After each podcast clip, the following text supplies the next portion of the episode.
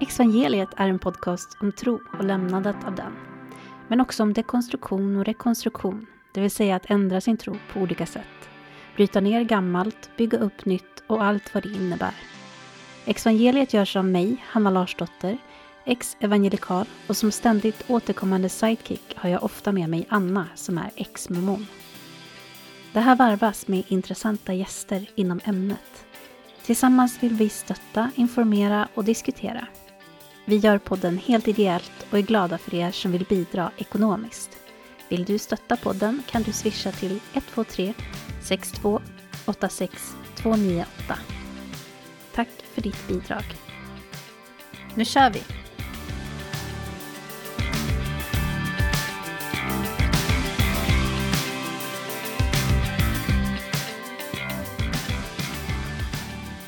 Sanja Nilsson är doktor i religionsvetenskap vid Malmö universitet. Hennes forskningsområde rör barn och unga inom minoritetsreligioner. Och hon har under tio års tid intervjuat och observerat barn och föräldrar ur ett flertal olika grupper samt publicerat ett antal artiklar i ämnet. I boken Guds nya barnbarn diskuterar hon och hennes medförfattare kring temat barn i sekter och Sanja skriver specifikt om hur uppväxtvillkoren har sett ut för barn och unga inom Knutby, Philadelphia. Med sin forskning vill hon visa hur sociala relationer inom gruppen samt i mötet med omvärlden upplevs, tolkas och påverkar de ungas vardag. Hej och välkommen till Exvangeliet, Sanja. Hej, tack så mycket. Varmt välkommen. Hur kommer det sig att du blev intresserad just för det här forskningsområdet?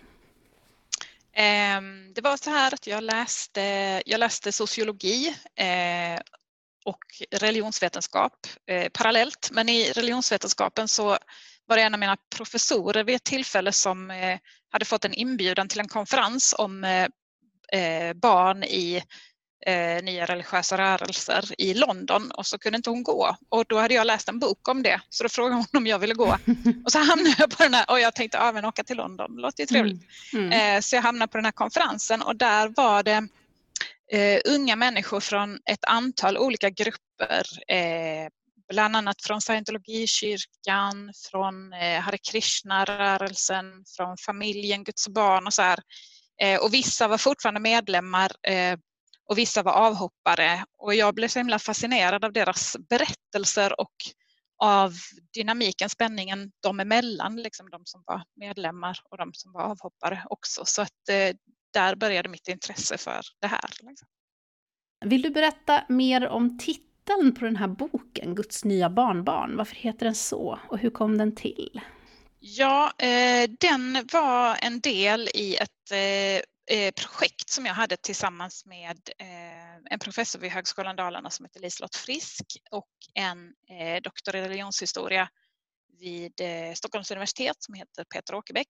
Och vi gjorde ett projekt som hette Kids in Cults, eller Barn i sekter då, som var finansierat av Vetenskapsrådet som löpte över tre år tror jag.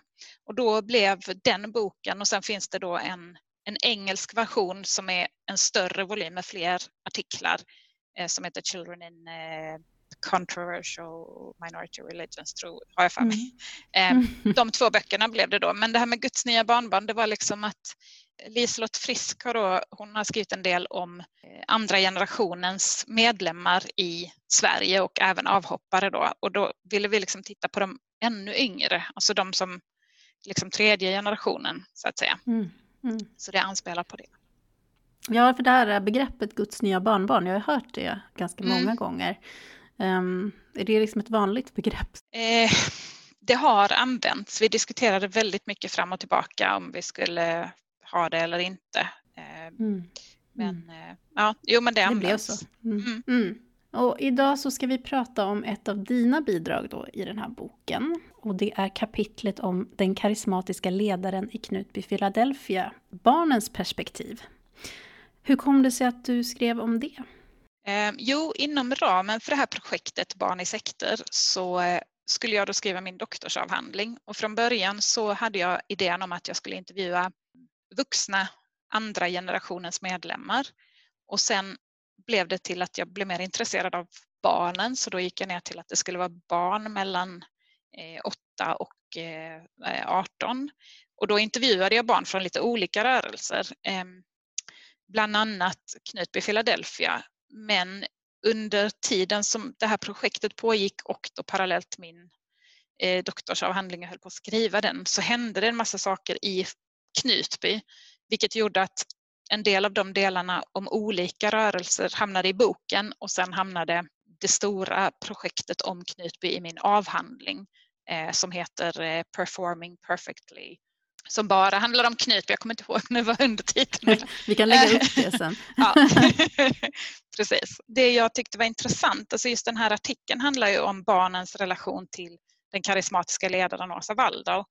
Eh, och den artikeln kom ganska, jag skrev den ganska långt innan jag var liksom färdig med eh, stora delar av avhandlingen. Men det som fascinerade mig var ju att jag märkte när jag pratade med barnen så märkte jag att det fanns någon form av metaberättelse om Åsa, om deras relation till henne, hur de kände eh, inför henne. Det var många som uttryckte att de längtade väldigt mycket efter henne och det liksom kom fram i uttrycket att att även för ganska små barn så var hon nästan som någon form av idol.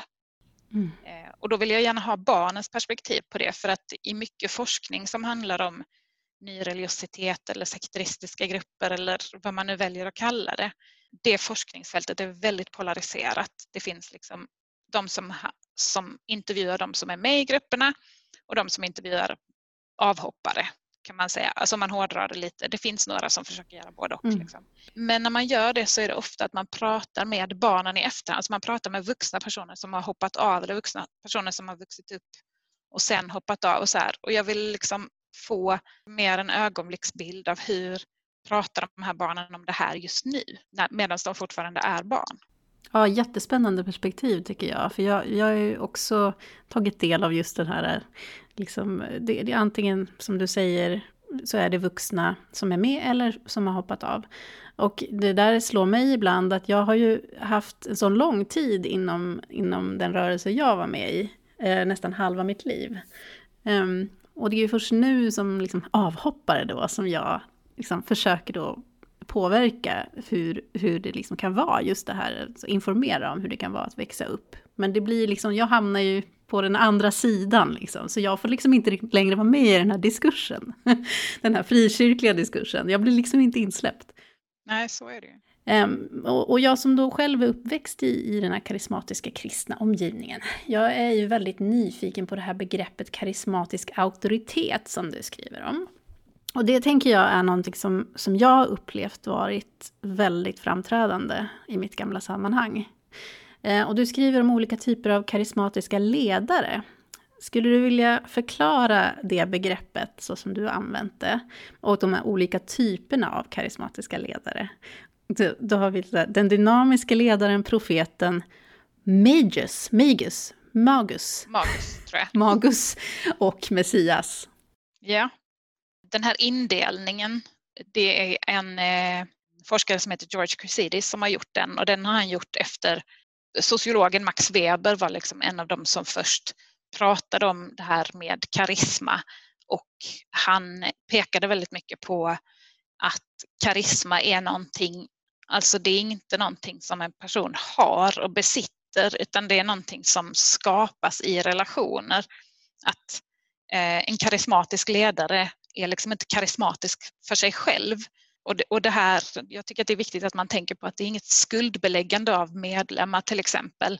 Eh, om man tar Knutby som, en, som ett exempel så blir det väldigt mycket att nu handlar liksom debatten om eh, hur ond Åsa Waldau har varit som en karismatisk ledare och eh, då medlemmarna och vad som har hänt dem. Men själva begreppet karisma, eh, alltså det, det inbegriper ju att någon ger, någon erkänner den här karisman. Alltså några medlemmar måste säga att måste uppfatta en karismatisk ledare som mm. karismatisk, annars uppstår liksom inte det här. Sen är det ju också så att många av de här som blir stora karismatiska ledare kanske har eller utvecklar eh, till exempel ett eh, kroppsspråk som är signifikant eller andra så här grejer. Liksom.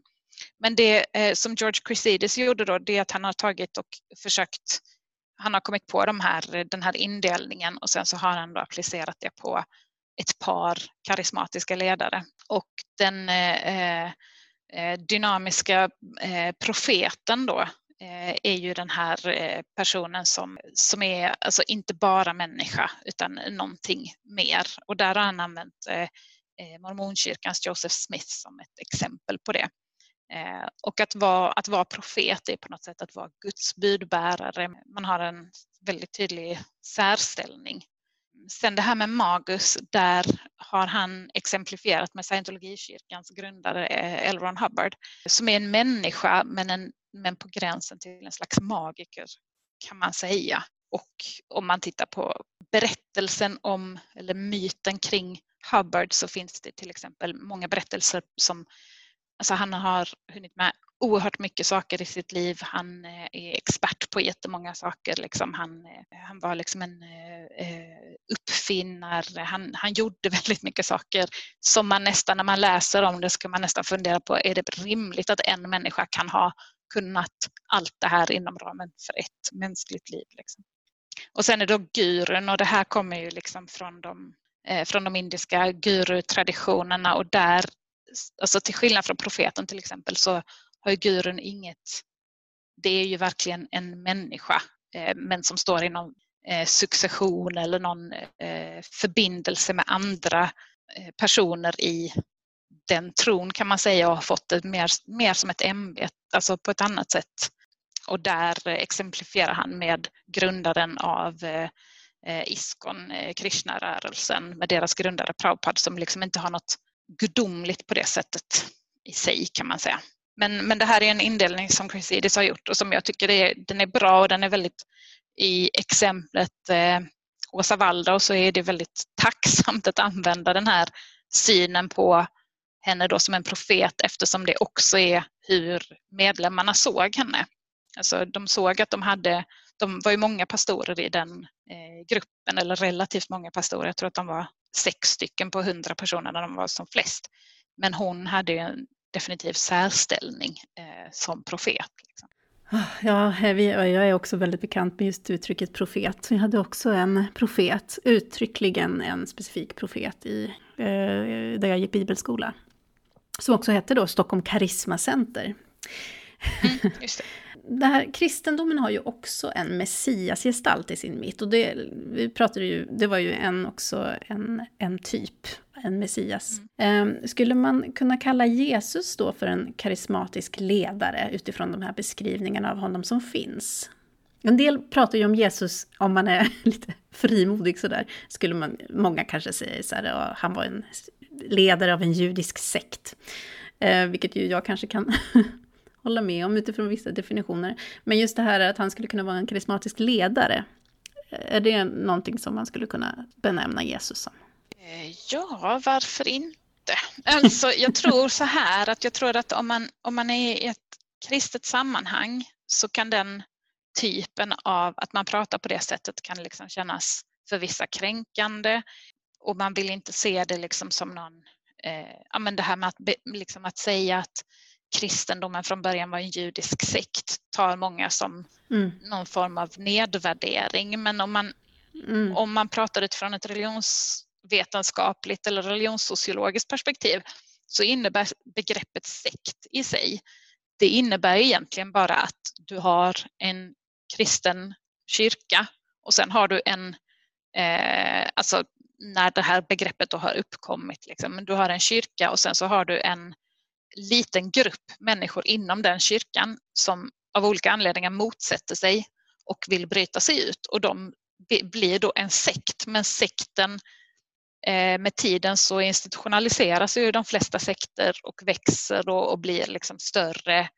Och det är liksom egentligen bara en organisatorisk fråga. Alltså begreppet sekt har ju väldigt negativa konnotationer mm. Mm. men om man försöker att se det bara som, som en organisationsform så behöver inte ha det. Och, och jag menar att, att Jesus var karismatisk, det, det lär han ju ha varit. Eh, annars skulle inte folk lyssna på honom i den utsträckningen som... Så, ja. Ja, nej men eh, det låter, låter som, jag, som jag tänker ungefär. Nej men det, det är som du säger, sekt, ordet sekt, begreppet sekt är ju laddat med väldigt mycket. Men för att komma tillbaka lite till, till din fråga om det här med bokens titel. Eh, vårt projekt heter ju Barn i sekter till exempel. Men ingen av oss använder begreppet sekt till vardags på det sättet när vi liksom det är inte så att jag åker ut till någon grupp och säger hej ni är ju en sekt så jag vill prata med eftersom, eftersom det finns de laddningarna och sen finns det många, det finns också många definitioner på exakt vad är det ja, som ingår där och så. Ehm. Precis. Ja, det är svårdefinierat. Mm. Och man, som sagt, man kan använda det kanske i, i ett vetenskapligt sammanhang, men sen så fort man kommer ut till de som är berörda, som, som tillhör den här gruppen, så klart att då blir ju sektbegreppet någonting otroligt negativt laddat. Ja. Speciellt idag då. Um, du skriver att karismatiska religiösa grupper alltid står i motsättning till byråkratisk auktoritet och i opposition mot majoritetssamhället. Vad beror det på tror du och hur kan det visa sig?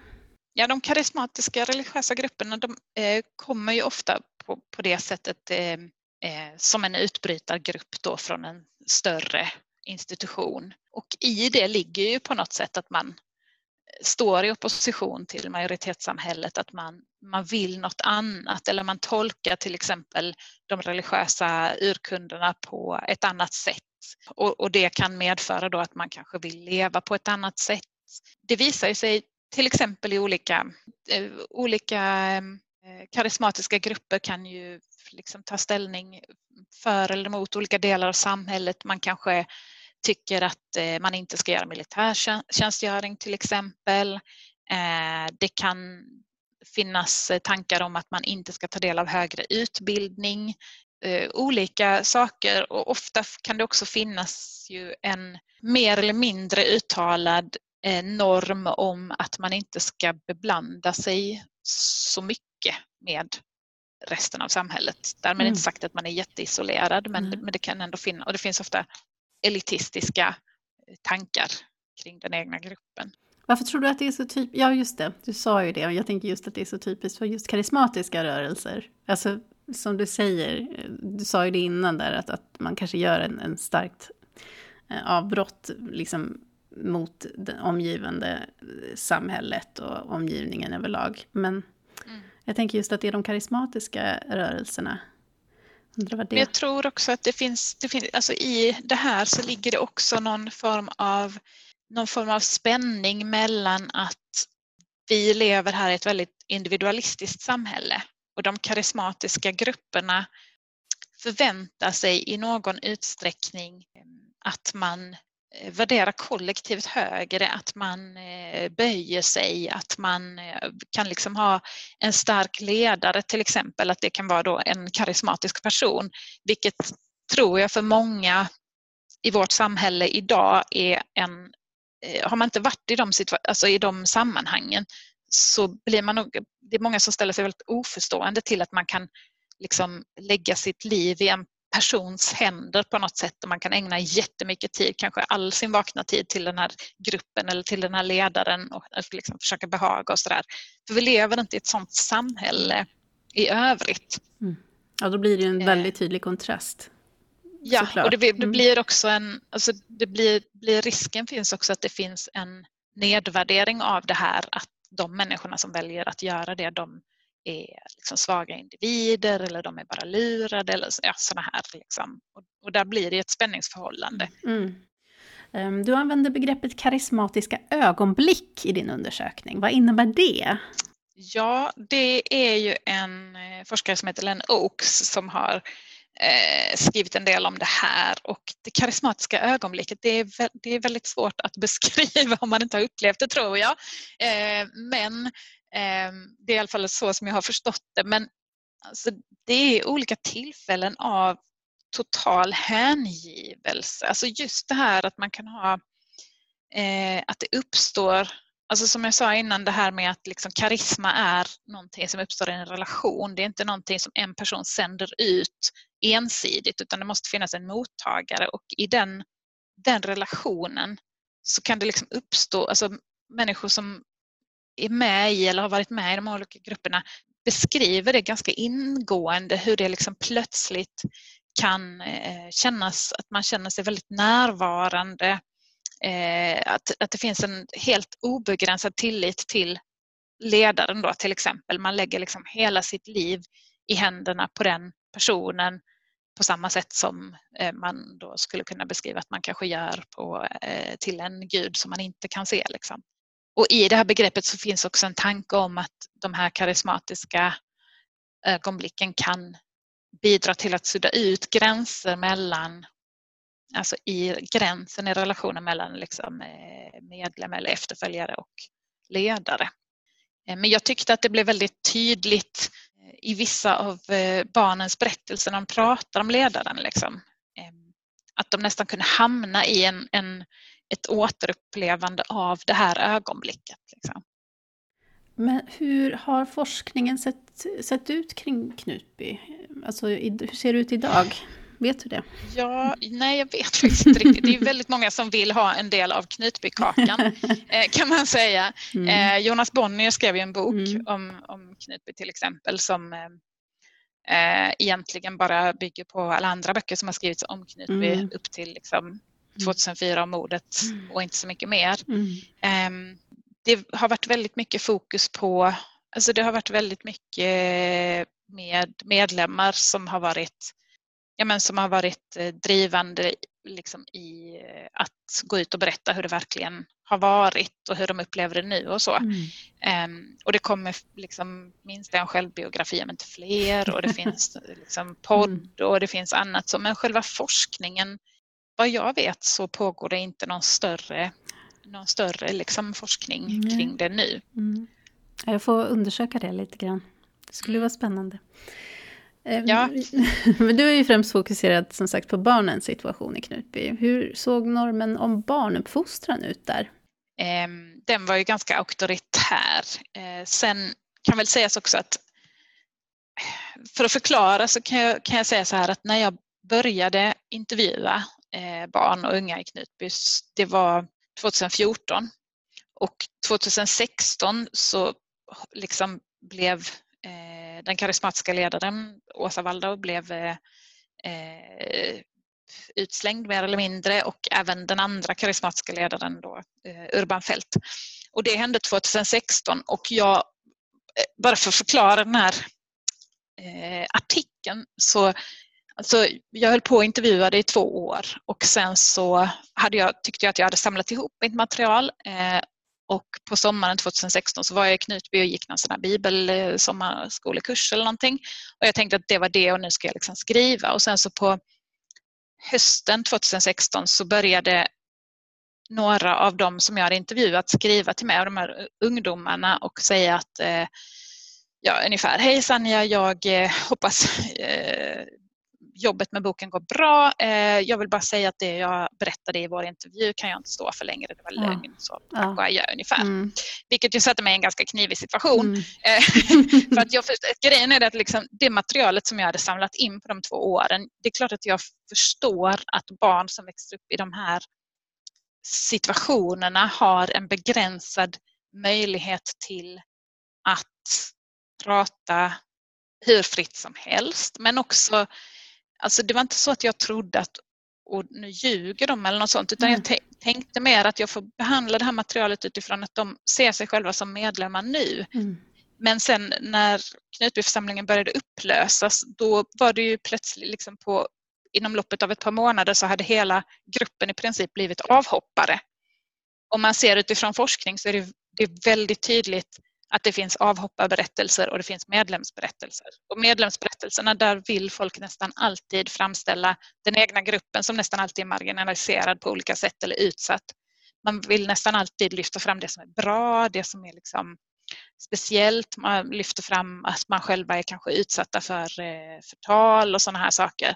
Medan avhopparberättelserna är exakt tvärtom. Man vill lyfta fram allting som är negativt. Man vill liksom, eh, eh, berätta hur, saker som var dåliga och sådär. Att det blir liksom två motsatta bilder. Så då gjorde jag uppföljande intervjuer eh, mellan 2016 och 2018 i den utsträckning jag kunde och sen fick jag ta med båda de här sidorna i avhandlingen. Mm.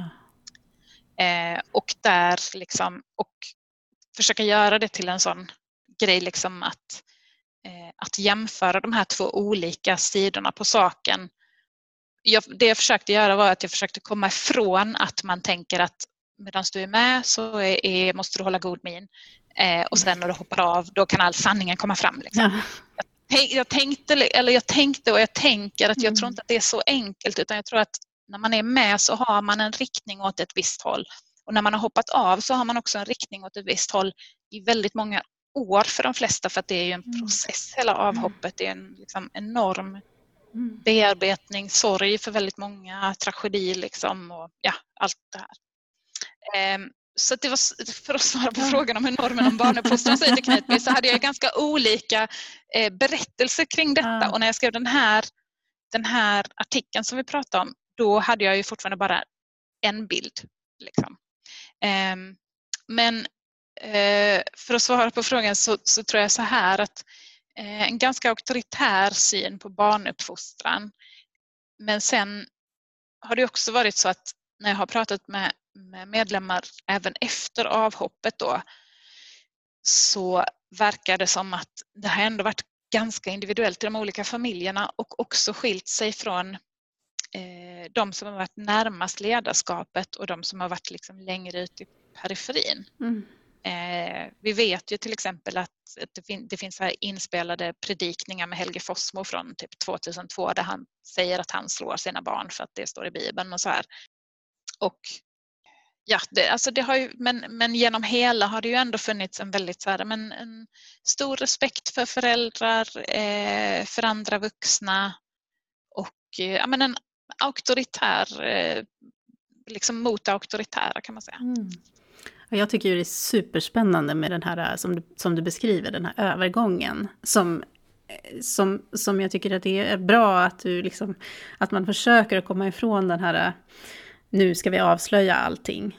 Mm. Som, för, för jag som, som har varit då på båda sidorna i, min, i, mm. min, i mitt sammanhang, jag kan ju också uppleva det där, det, det är så lätt att, att det blir en, en, nu ska vi liksom bara gå till angrepp. Och, och jag, jag är inte heller intresserad av det, för att man är ju människa på båda, båda sidorna, eller vad man ska säga, och man har sina... Ja man har sina drivkrafter och, och, och, man fungerar på olika sätt där i dem. Men samtidigt är det så speciellt när man ska försöka förena det också i sig själv. Alltså hur tänkte jag där? Hur, varför gjorde jag så? Och så nu är jag på andra sidan och så.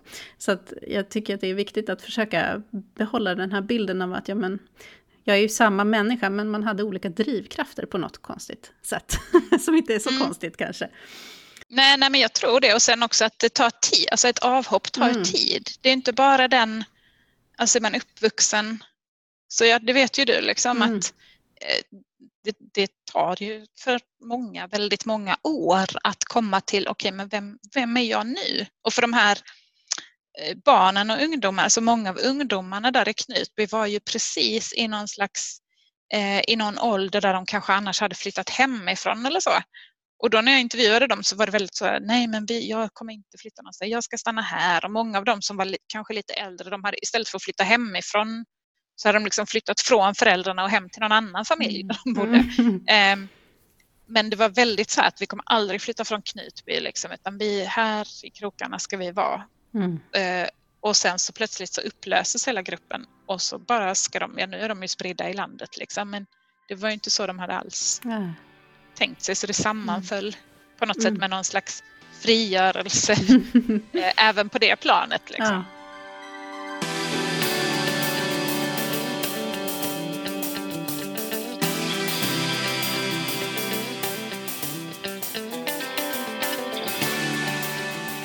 Vi går vidare. Eh, du pratar om en term som läkaren och psykoterapeuten Rigmor Robert tar upp som ett begrepp som användes i församlingen, nämligen att gråta i köttet.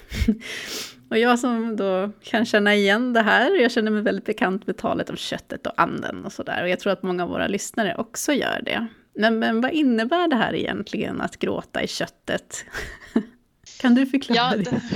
ja, alltså det, det var ju väldigt svårt för mig att få svar på kan jag säga. Mm. För jag mhm. läste också den här, eh, den här artikeln av, eh, av Rigmor Berg ganska mm. tidigt och funderade och frågade och frågade och innan upplösningen så var det ju bara så här, nej men det är aldrig någon som har sagt så, det är ingenting, nej, det har vi aldrig hört talas om, mer eller mindre.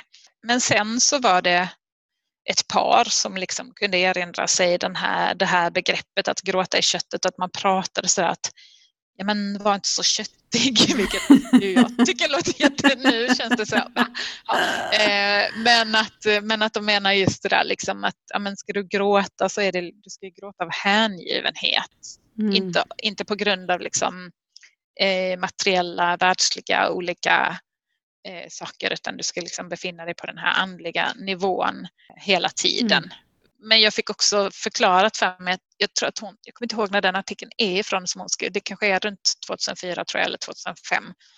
Och de som jag pratade med sa ju också att ja, men vid den tiden eh, och där innan så pratade man kanske lite mera på det sättet än vad man kommer att göra sen. Senare det var det liksom andra saker som tog över kring det här. Så de, så de yngre barnen var ingen som, som liksom hade riktigt så här gråta i kött. Nej. De, så, men några av de äldre hade ändå lite så att ah, de kunde minnas att man eventuellt använde det. Mm. Ja, jag, jag, kan ju definitivt föreställa mig ungefär vad det skulle kunna betyda. Att man, mm. ja, alltså man, man sörjer över materiella saker eller världsliga saker och inte över de andliga och viktiga ja. saker. Ja. Ungefär, men, men det, är, det är min uppfattning. Liksom, från mitt ja. håll. Men sen så ja. kan det ju ha haft en helt annan, ja, en annan betydelse just för den specifika gruppen såklart. Ja, nej, men jag tror nog att det, det tangerar nog eh, mm. det. Eh, mm. Just, mm.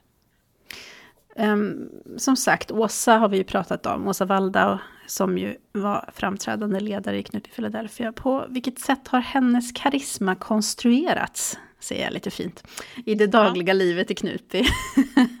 alltså du, skriver, du pratade om det också, du, och du skriver om det, att många av barnen hade bilder av Åsa i sina rum. Och att hon var nästan som en idol. Skulle du vilja prata lite mer om det? Ja, just när det gäller karisma så finns det också en, en tanke kring att alltså, Åsa Waldor drog sig tillbaka från församlingen runt 2008 eller 2009 där någonstans och stannade i princip i sitt hus. Eh, om man har varit, alltså nu pratar vi om Knutby som att det är en fysisk plats där det, fanns, där det finns en församling bara eller så, men så är det inte riktigt utan eh, Knutby är en by och sen finns det en by som heter Rimbo. Eh, lite utanför Knutby by så fanns det då en, ett ställe som heter Gränsta eh, som egentligen liksom bestod av ett fåtal hus eh, och där låg då församlingens församlingslokal och uppe på en liten kulle så var Åsa Waldaus hus och där var också några andra hus där eh, ledare bodde. Eh, och då pratar man liksom om ledarskapet som de som var på kullen. Alltså Åsa Waldau var ju väldigt närvarande i församlingen de flesta, alltså under åren liksom och när det mordet skedde 2004 så var hon väldigt aktiv i att försöka, eh, som jag har förstått det, försöka vad ska man säga, ta hand om församlingen. Alltså de öppnade något spa och de gjorde liksom massa grejer och hon var jätteaktiv. Men eh, uppenbarligen så blev det så att efter några år så kände hon att medlemmarna inte riktigt hade stått upp för henne i media och så här efter 2004.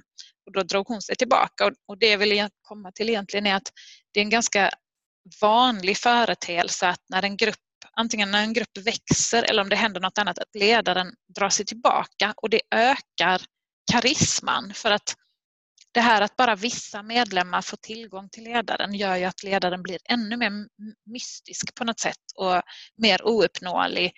Och så blev det också för de yngre barnen speciellt då som inte träffade Åsa speciellt ofta.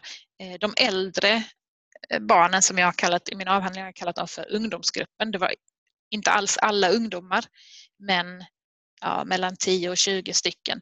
De träffade ju Åsa mycket oftare än vad många av de vuxna gjorde till exempel. Men för de yngre barnen så, så blev hon ju då ganska ouppnåelig. Man kanske, man kanske träffade henne på ett kalas en gång om året högst eller så hade man träffat henne en eller två gånger i sitt liv. Eh, men då de hade bilder av henne. Hon eh, har skrivit en barnbok. Eh, hon har gett ut en fotobok. Hon har spelat in en skiva. De här liksom, artefakterna fanns ju i allas hem och så, så målade hon ju jättemycket. Mm. Och de här tavlorna fanns ju hemma hos alla.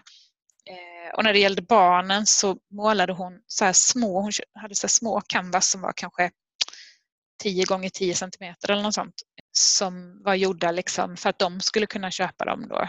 Och på det sättet så blev hon ju en slags idol för dem. Mm. Liksom. Det var musik, eh, konst, eh, litteratur, alltså allt det här. Eh, plus att hon var ouppnåelig och att också hennes, hennes barn var ju väldigt ganska framträdande i församlingen.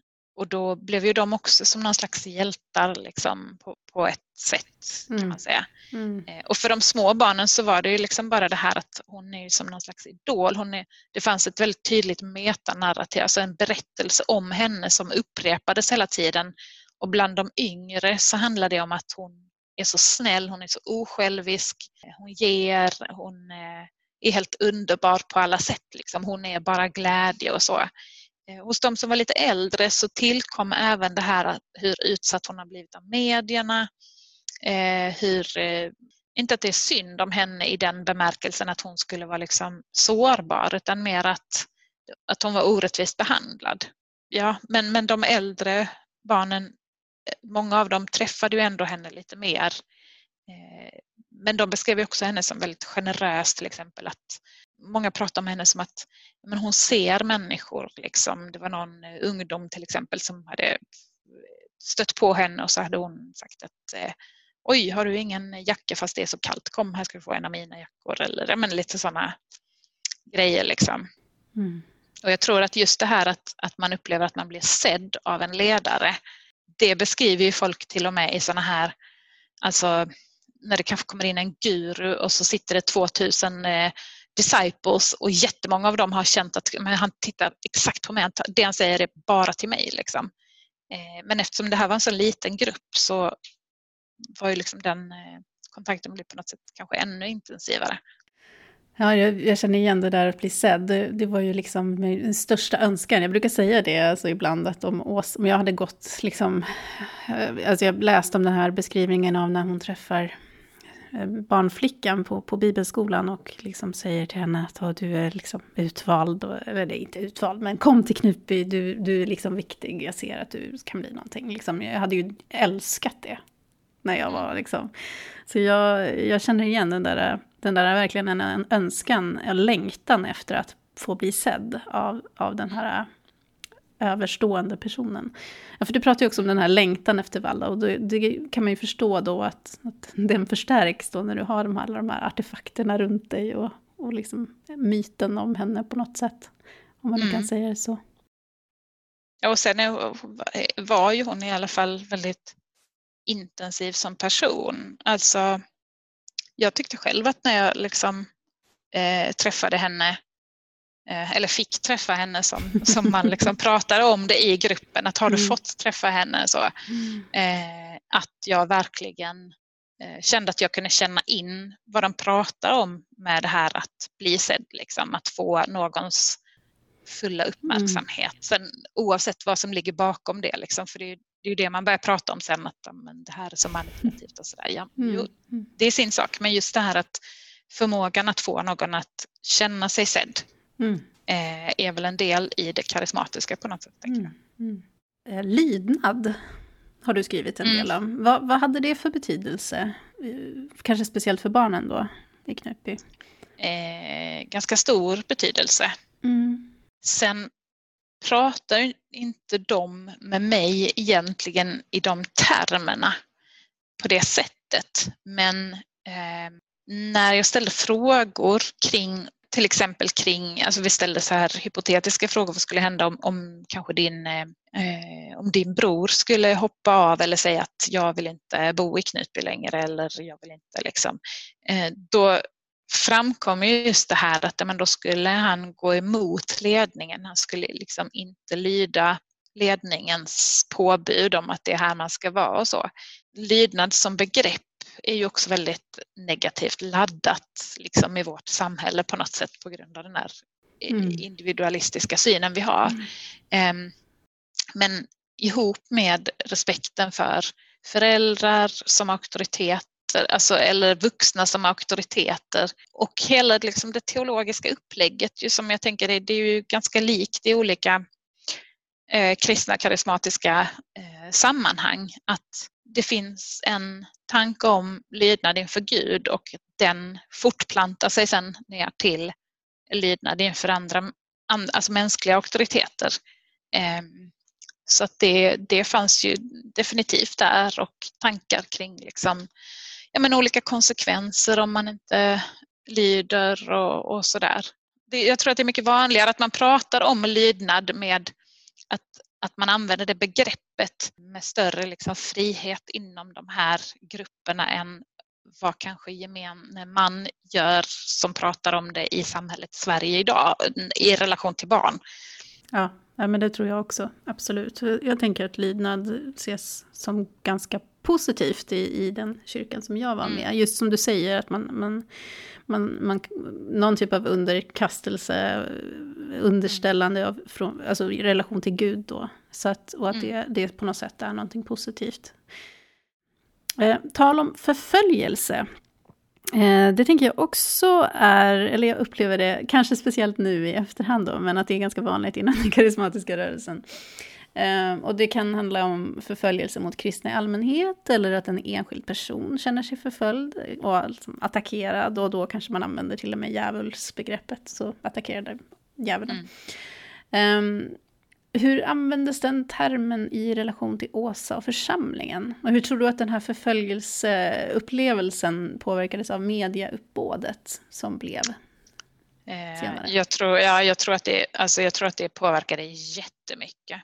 Det, fanns ju, det hade ju liksom redan, även innan mordet då 2004, så hade det redan skurit sig med pingströrelsen. Eh, delvis därför att eh, en del opponerade sig kring att eh, Åsa och Helge Fossmo då var ute och eh, predikade och det, det sättet att predika gick inte hem överallt. Eh, det finns också beskrivet att de ska ha gjort någon form av eh, någon form av demonutdrivning någonstans som då inte upplevdes som okej okay, och sådär. Men eh, så de var ju på sätt och vis redan på kant med hela pingströrelsen men efter mordet så var det ju ett extremt mediauppbåd och den berättelsen blir också ett slags metanarrativ kan man säga. Alltså jag var förvånad över att man fortfarande pratade så mycket om 2004 även i den större församlingen, liksom. inte bara i, i kärnan i gruppen utan att man kunde prata om till exempel om, eh, om Helge Fossmos för, första fru Helen. Liksom eh, fortfarande då så lång tid efter.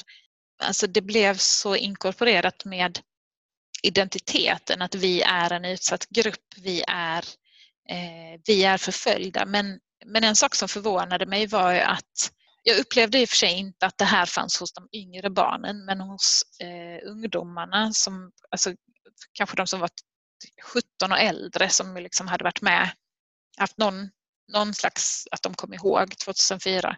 Eh, och hos de vuxna så fanns det här jättestarkt. Det som förvånade mig var att den här berättelsen var så centrerad kring Åsa och hur orättvist behandlad hon hade blivit. Det fanns ju också liksom att vi som församling är missförstådda och så men det var jättemycket fokus på att det är Åsa som är missförstådd. Eh, inte så konstigt, delvis också såklart för att ja, men, hennes syster blir mördad och då blir hon utmålad som eh, den som liksom på något sätt har gjort så att det skulle ske och sådär. Men att det ändå fanns en sån, ja men det var en sån slagsida på hennes person i den här berättelsen. Och efter något år så insåg jag ju också att det, det här var ju inte någonting, som, alltså, det fanns ju dels den här konflikten mellan då församlingen och samhället. Liksom. Att man kände sig, man var stigmatiserad. Eh, eh, vi från Knutby, liksom, folk förstår inte, de tänker att vi är galna sektmedlemmar och sådär. Eh, men sen även inom församlingen, för, för en sak som, ju, ja, som jag sa innan som, som gjorde att Åsa drog sig tillbaka, det var att hon var besviken på församlingen. Eh, så det fanns ju liksom en pågående konflikt mellan henne och den större församlingen. Och hon träffade bara de här personerna i kärnan runt bordet då, som de kallar det.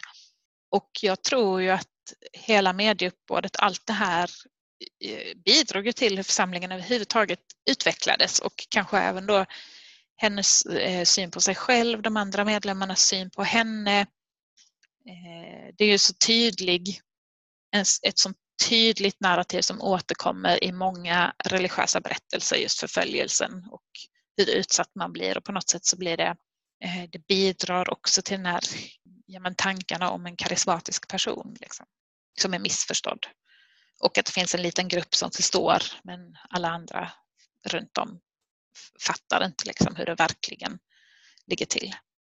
Nej, och jag tänkte att i, liksom just med Knutby så var det ju också så att det, alltså, det fanns ju så många olika konflikter. Liksom. Konflikter mellan Åsa och de här runt bordet, konflikter mellan eh, Åsa och den större församlingen, eh, konflikter mellan församlingen och samhället men också en jättestark konflikt mellan Knutbyförsamlingen och Pingstkyrkan och Knutbyförsamlingen och resten av kristenheten i Sverige. Mm.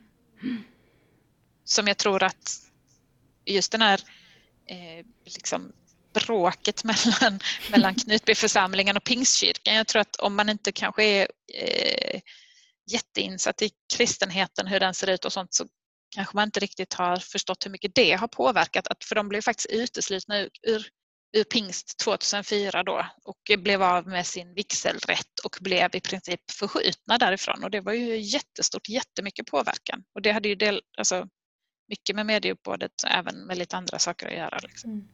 Ja, det har ju varit väldigt mycket nu som efterspelet nu, efter mm. efterspelet.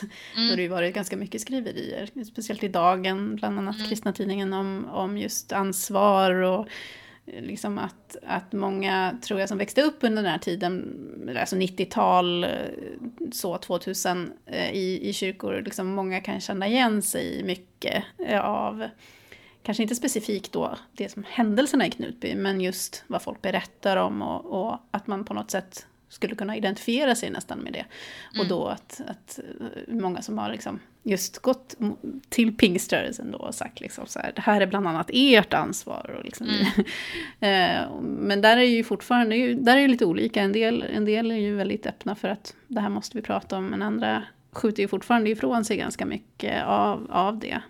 Mm. Så det finns ju fortfarande kvar en ganska stark konflikt, tänker jag, däremellan. Um, att man inte vill identifiera sig med, med det som hände och, och, och så. Absolut. Mm.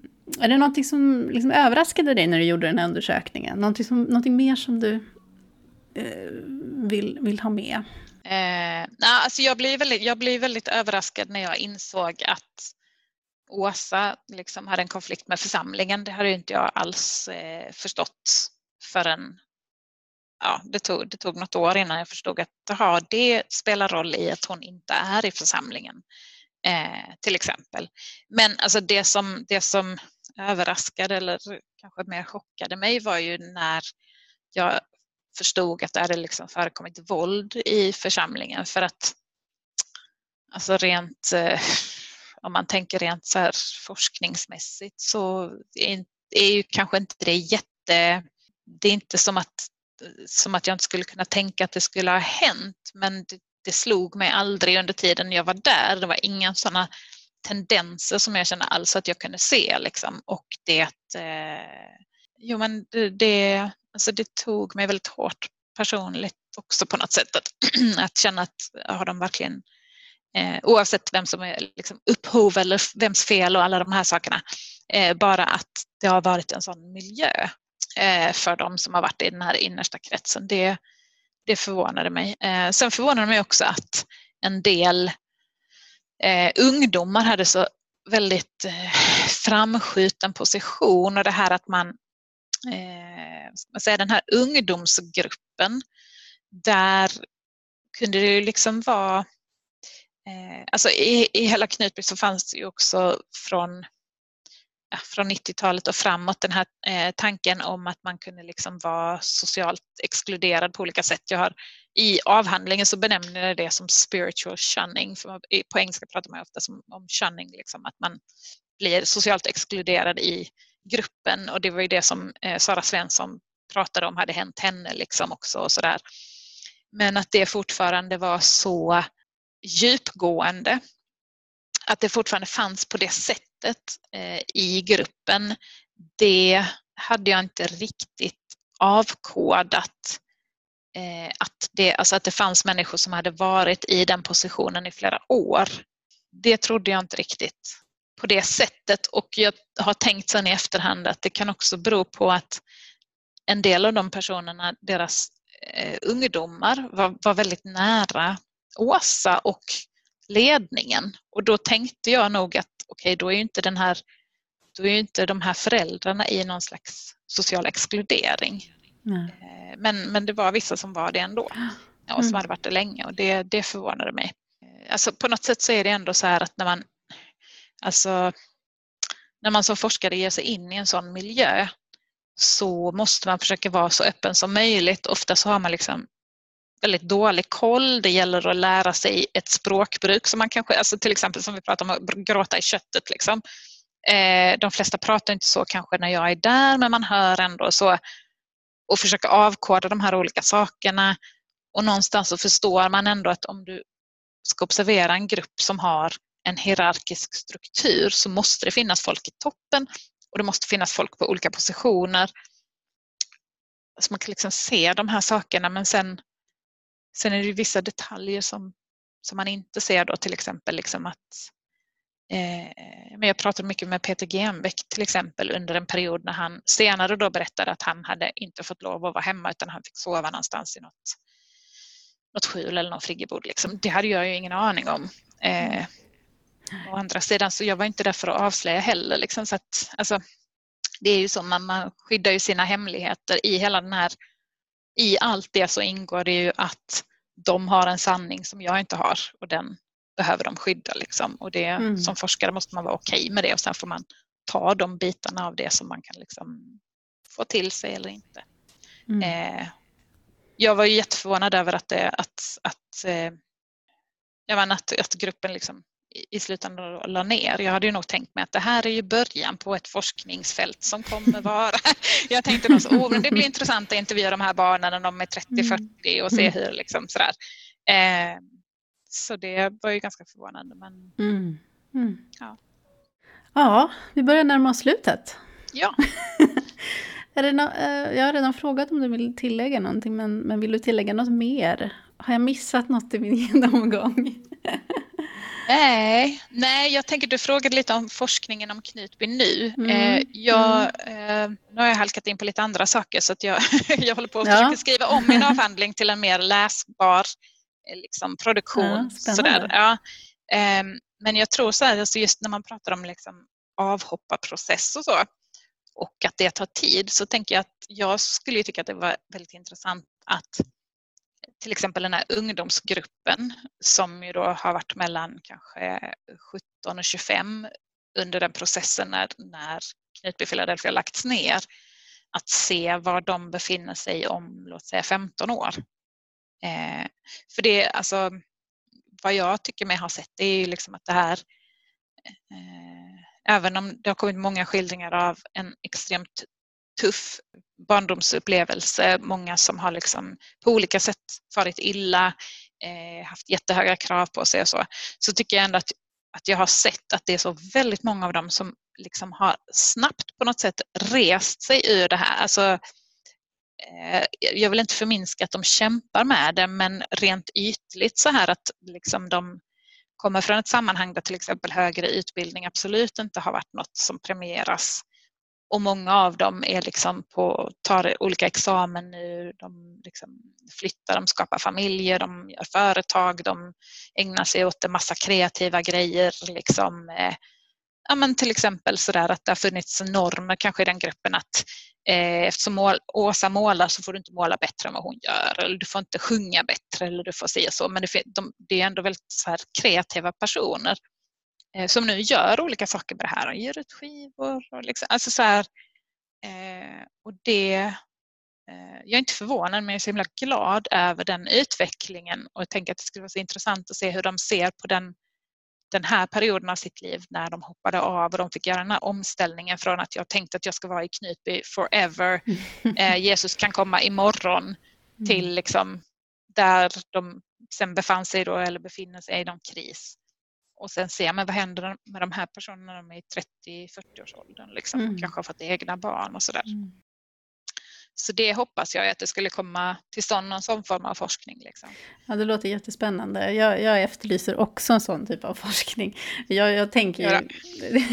ja, men det, det, är ju så, alltså, när, man, när man har varit med i en relativt liksom, vanlig, normal församling så, så blir ju de här, de här grupperna, blir ju liksom, de här mer då, som ses mer extrema, blir ju gärna då ett forskningsfält, liksom, tänker jag, som man vill gå in mm. på. Men, men det, jag tänker att det finns otroligt många, som, som jag vet, som, som går mm. igenom också liknande saker. För man har ju hela... Jag trodde ju också att Jesus skulle komma när som helst. Och jag hade ju också Precis. de här sakerna, även om det inte liksom var mm. kniven mot strupen. Så. Men, men, eh, men eh, jag tycker det vore jätteintressant att se. Och speciellt också just den här återhämtningsprocessen, liksom, i hur man, mm. hur man tar sig igenom det och vad som behövs efter en typ av kris eller trauma, tänker jag. Mm. Liksom.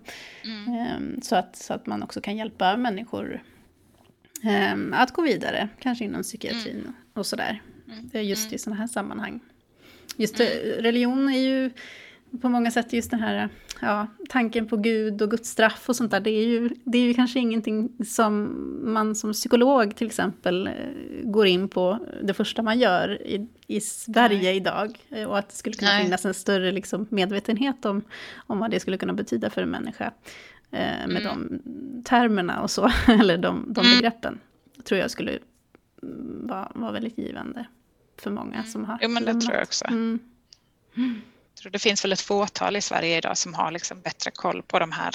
Mm. Eh, och, och igen, tyvärr så, så blir det väldigt uppdelat i det här liksom medlem eller avhoppare på något mm. sätt. Så, jag hade ju önskat mig att eh, forskningen även inom det psykologiska fältet hade kunnat närma sig lite mer att ja, men när, närma de här två grupperna mm. eh, lite mer och se det som att det är liksom lite två sidor av samma mm. mynt på ett mm. sätt. Mm. Liksom. Eh, Ja, jag håller med. Det, det, det, skulle behövas en typ av brygga där, tror jag.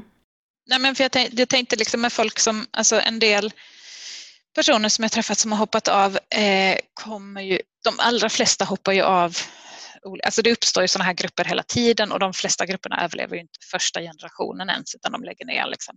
Men och många, de flesta går in och sen går de ur och det är inte någon större grej. Men för de som det blir en större grej och det är liksom ett i till exempel ett trauma så behöver man ju, man behöver ju liksom den här sista delen i eh, på något sätt någon sorgebearbetning att liksom integreras i ett nytt liv.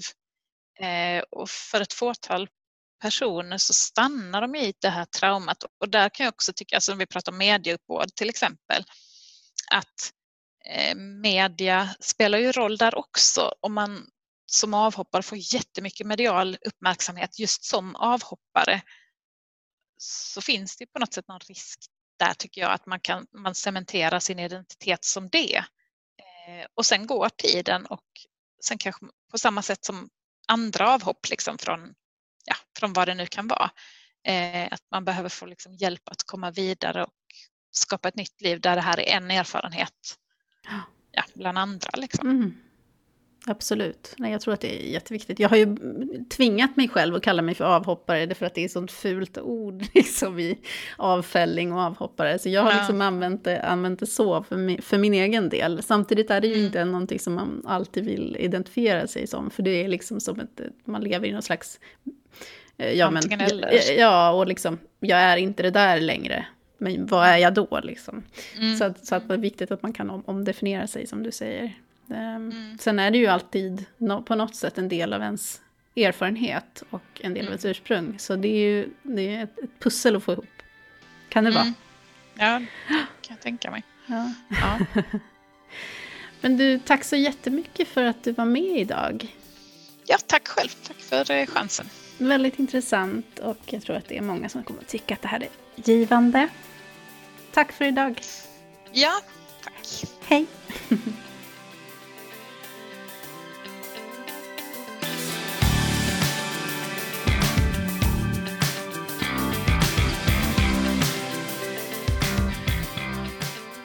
Vi vill vara de glada nyheterna för dig som lämnat tron. Vi finns på Facebook och Instagram.